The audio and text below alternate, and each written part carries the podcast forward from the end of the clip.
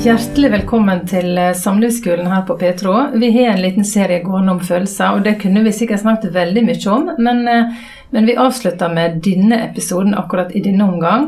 Og Egil, eh, forrige gang snakket vi om at det var to måter å møte den andre på når en hadde vanskelige følelser. Ja, noen tenker om følelser og, og responderer på vanskelige følelser i andre eller seg selv med interesse. At det er viktig informasjon som man kan bruke til noe. Eh, og, og at eh, ja, det er en anledning for intimitet i parforholdet. Når den andre er lei seg, så kan vi komme nærmere hverandre. Man forstår det liksom at det er en god, det er en god mulighet når den andre er sårbar eller har sterke sånn. Være nær. Og den andre måten er at man ser på det som noe det ikke er noe å gjøre med. Altså, det her er det ikke noe å gjøre. Og så hvorfor holder du på med det og snakker så mye om det når ikke noe gjør gjøre med det, man må jo få lov på noe bedre. Så lager det en slags konflikt, for denne her personen forstår det mer som Hvorfor snakker du om alt det vanskelige? Hvorfor er du negativ? Kan vi bare se framover. Kan vi ikke se framover? Kan vi ikke se løsninger? Kan, hvorfor trenger vi å holde på? For jeg vet ikke hva jeg skal gjøre. Det er ingenting jeg gjør her. Kan vi ikke få det over på noe positivt? Og noen har erfaringer som er sånn eh, enten fordi man har erfart over tid i barndommen sin, eller man har opplevd enkelthendelser, situasjoner, perioder, som er sånn at bestemte følelser eh, var veldig skremmende og en sto alene om det. gjerne. Mm. Så når en blir voksen da, ser følelser i andre, får følelser i seg sjøl tett inntil andre, så reagerer man med at man egentlig bare vil få det til å slutte. Man er redd at tristhet kan bli depresjon. Redsel kan bli angst. Sinne kan bli aggresjon, ute av kontroll. Sånne assosiasjoner som man liksom blir Niks, nope, det må stoppe. Nedmuntres ikke. Vanskelig farlig. Det er de to måtene. Og det er ingen hemmelighet at det er den første måten å være nysgjerrig og tenke at det her skal jeg lære noe om den andre. Det er det som blir anbefalt, Egil Riise. Noen, det er, det er helt sant. Noen kan jo føle at liksom Assosiere dette med følelser med svakhet. Mm. Og på en måte tenke at det må jeg ligge unna. I det virkelige livet, i det virkelige, virkelige livet, så er det veldig dumt å ikke ha kunnskap eller forståelse for hva som skjer i andre. Mm. Og ikke få med seg alt. Når du skal samarbeide, bygge ting, bygge kjærligheten og familien. Så du kan tøffe deg litt Mm. fordi du utgir deg for å tro, eller tror at det er farlig. Eller, eller at du ikke holder på med sånt, eller du er imot det. Eller. Men egentlig så bare går du glipp av masse. Og det fører ofte til brudd senere i livet. Så det er ingen god idé. Jeg vil komme med noen eksempler. Ja. La meg prøve, å lage et lite regnestykke. ja. som handler om det at eh, hvis man har gjort seg en erfaring som barn som er negative, som førte til hjelpeløshet, så er det ofte det som gjør at vi blir upåvirkelige. Altså prøv, prøv å snakke med deg, men du vil ikke høre.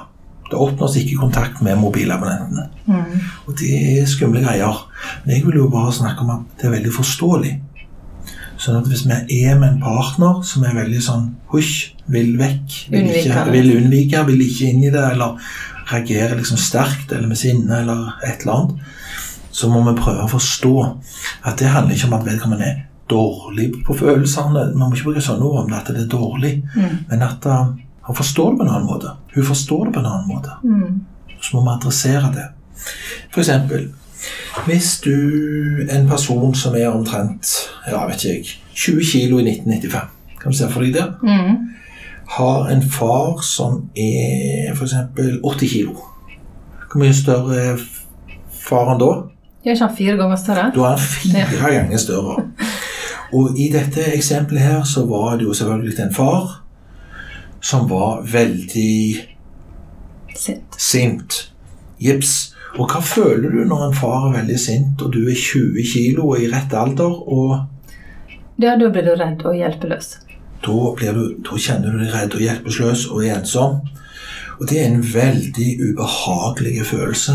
Gjerne sånn ingen vei ut, vet ikke hva jeg skal gjøre, ingen steder å gå. Vrient. Ok. Så denne personen har nå blitt voksen og er i møte med en partner. Og de skal jo være nær hverandre. Og det er uunngåelig med sinne, redsel, glede, Så òg helt umulig å unngå at episoder eller noe skjer. Så dukker disse følelsene opp, og nå er han sjøl, denne 20 kilo eh, Ja, han er blitt 80, faktisk. Han er lik faren der. Hvordan visste du det? Han har blitt 80 kilo sjøl. Ja. Ja. Og vet du hvor mye akkurat kona hans veier denne gangen? likt denne gangen. Denne gangen så veide de akkurat like mye. Det var helt topp. Så begge to veier 80 kilo. Men du, nå så oppstår det en situasjon med følelser.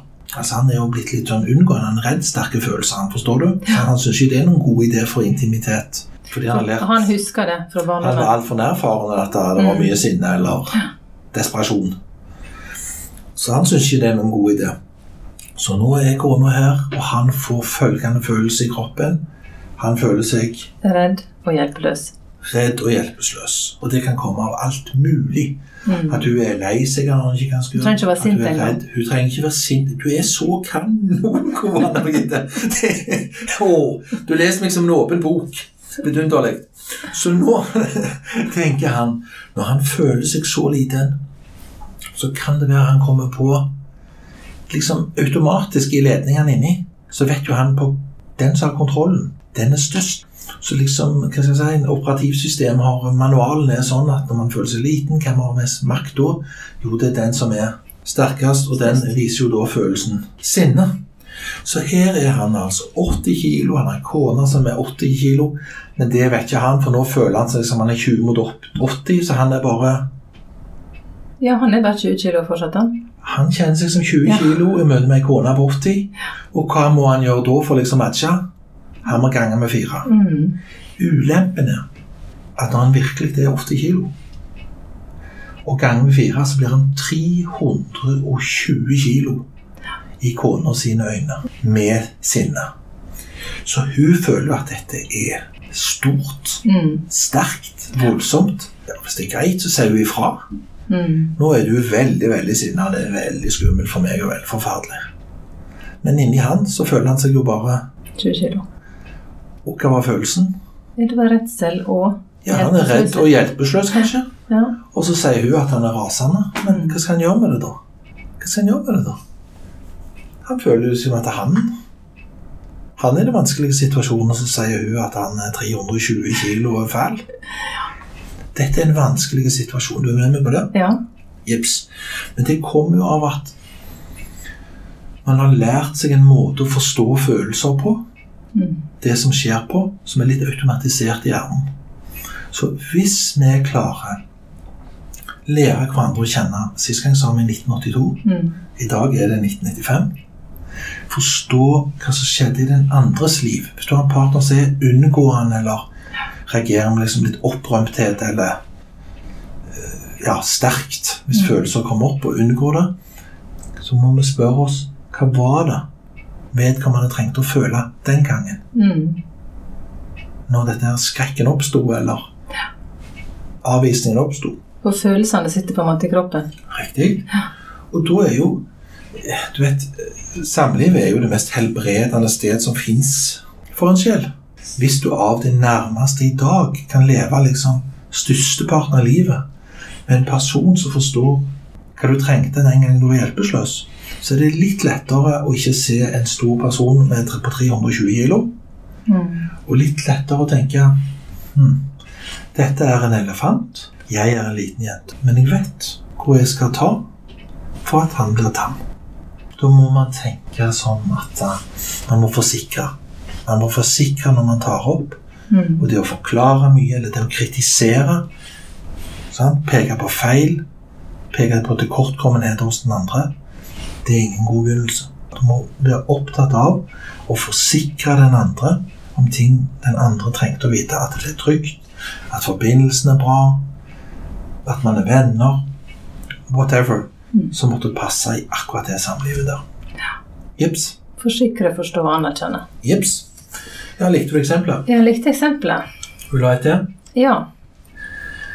Eh, skal vi ta nå, da? Ei dame? Ja, det kunne være ei dame, da. Ja. Så så hadde opplevd noe lignende sinne når hun var liten. Mm. Så er hun sammen med en mann, og så er han eh, trøtt, sliten, ensom, lei seg. Og sier bare «Ah», Eller får en rynke i pannen, eller et lite uff. Og så reagerer kroppen hennes som om Det er som om det var da i 1995. Ja. Så liksom, hun ser liksom da Hun ser gjerne 320 kilo, hun òg. Og så er det egentlig bare en mann som er ensom og Jeg vet ikke jeg. Trenger å bli Hva tror du? Ja, han trenger gjerne å bli sett. Men skal hun da bare si hva føler du nå? Nei, men det, hjelper. Det, det, som er, det er at hvis hun er en person som klarer å tenke at jeg må forstå følelser Mm. Hvordan tolker jeg disse følelsene? Har bevissthet om det. Ikke bare prøve å unngå det eller kjempe imot det, men har forståelse og tenker å prøve å sette seg inn. Mm. Det er derfor empati er det mest beroligende å bli utsatt for. Men det er òg det mest beroligende for den som praktiserer det. Ja. Så hvis du har en urolig partner, praktiserer empati, så roer du ned begge to.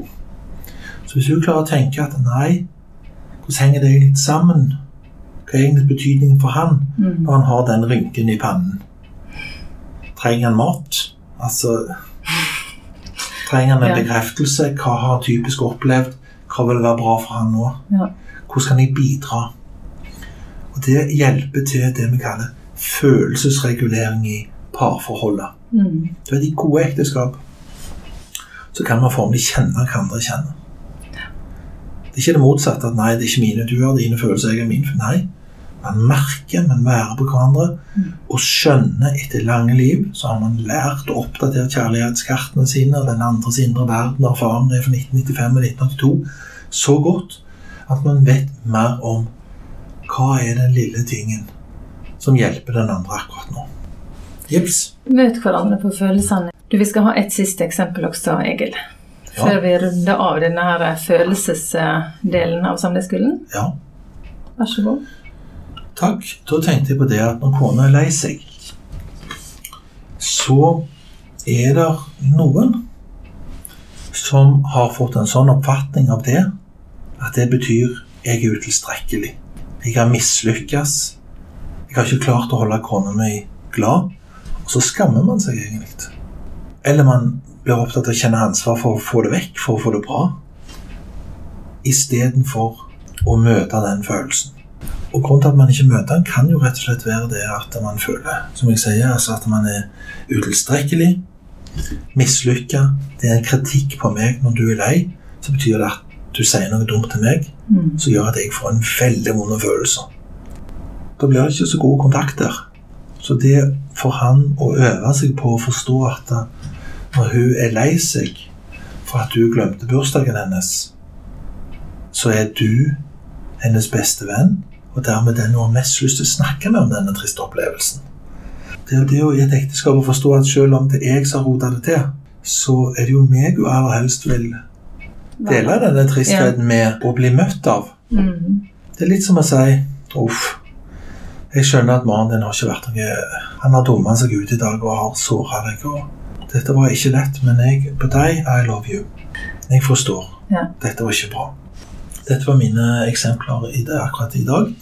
Så det å øve seg på å forstå hvordan man sjøl forstår ja, betydningen av en følelse, oppgavene, og hva målet er. Målet er alltid å beholde kontakten, ro, imellom de to, når noen bør ro- beholde ro.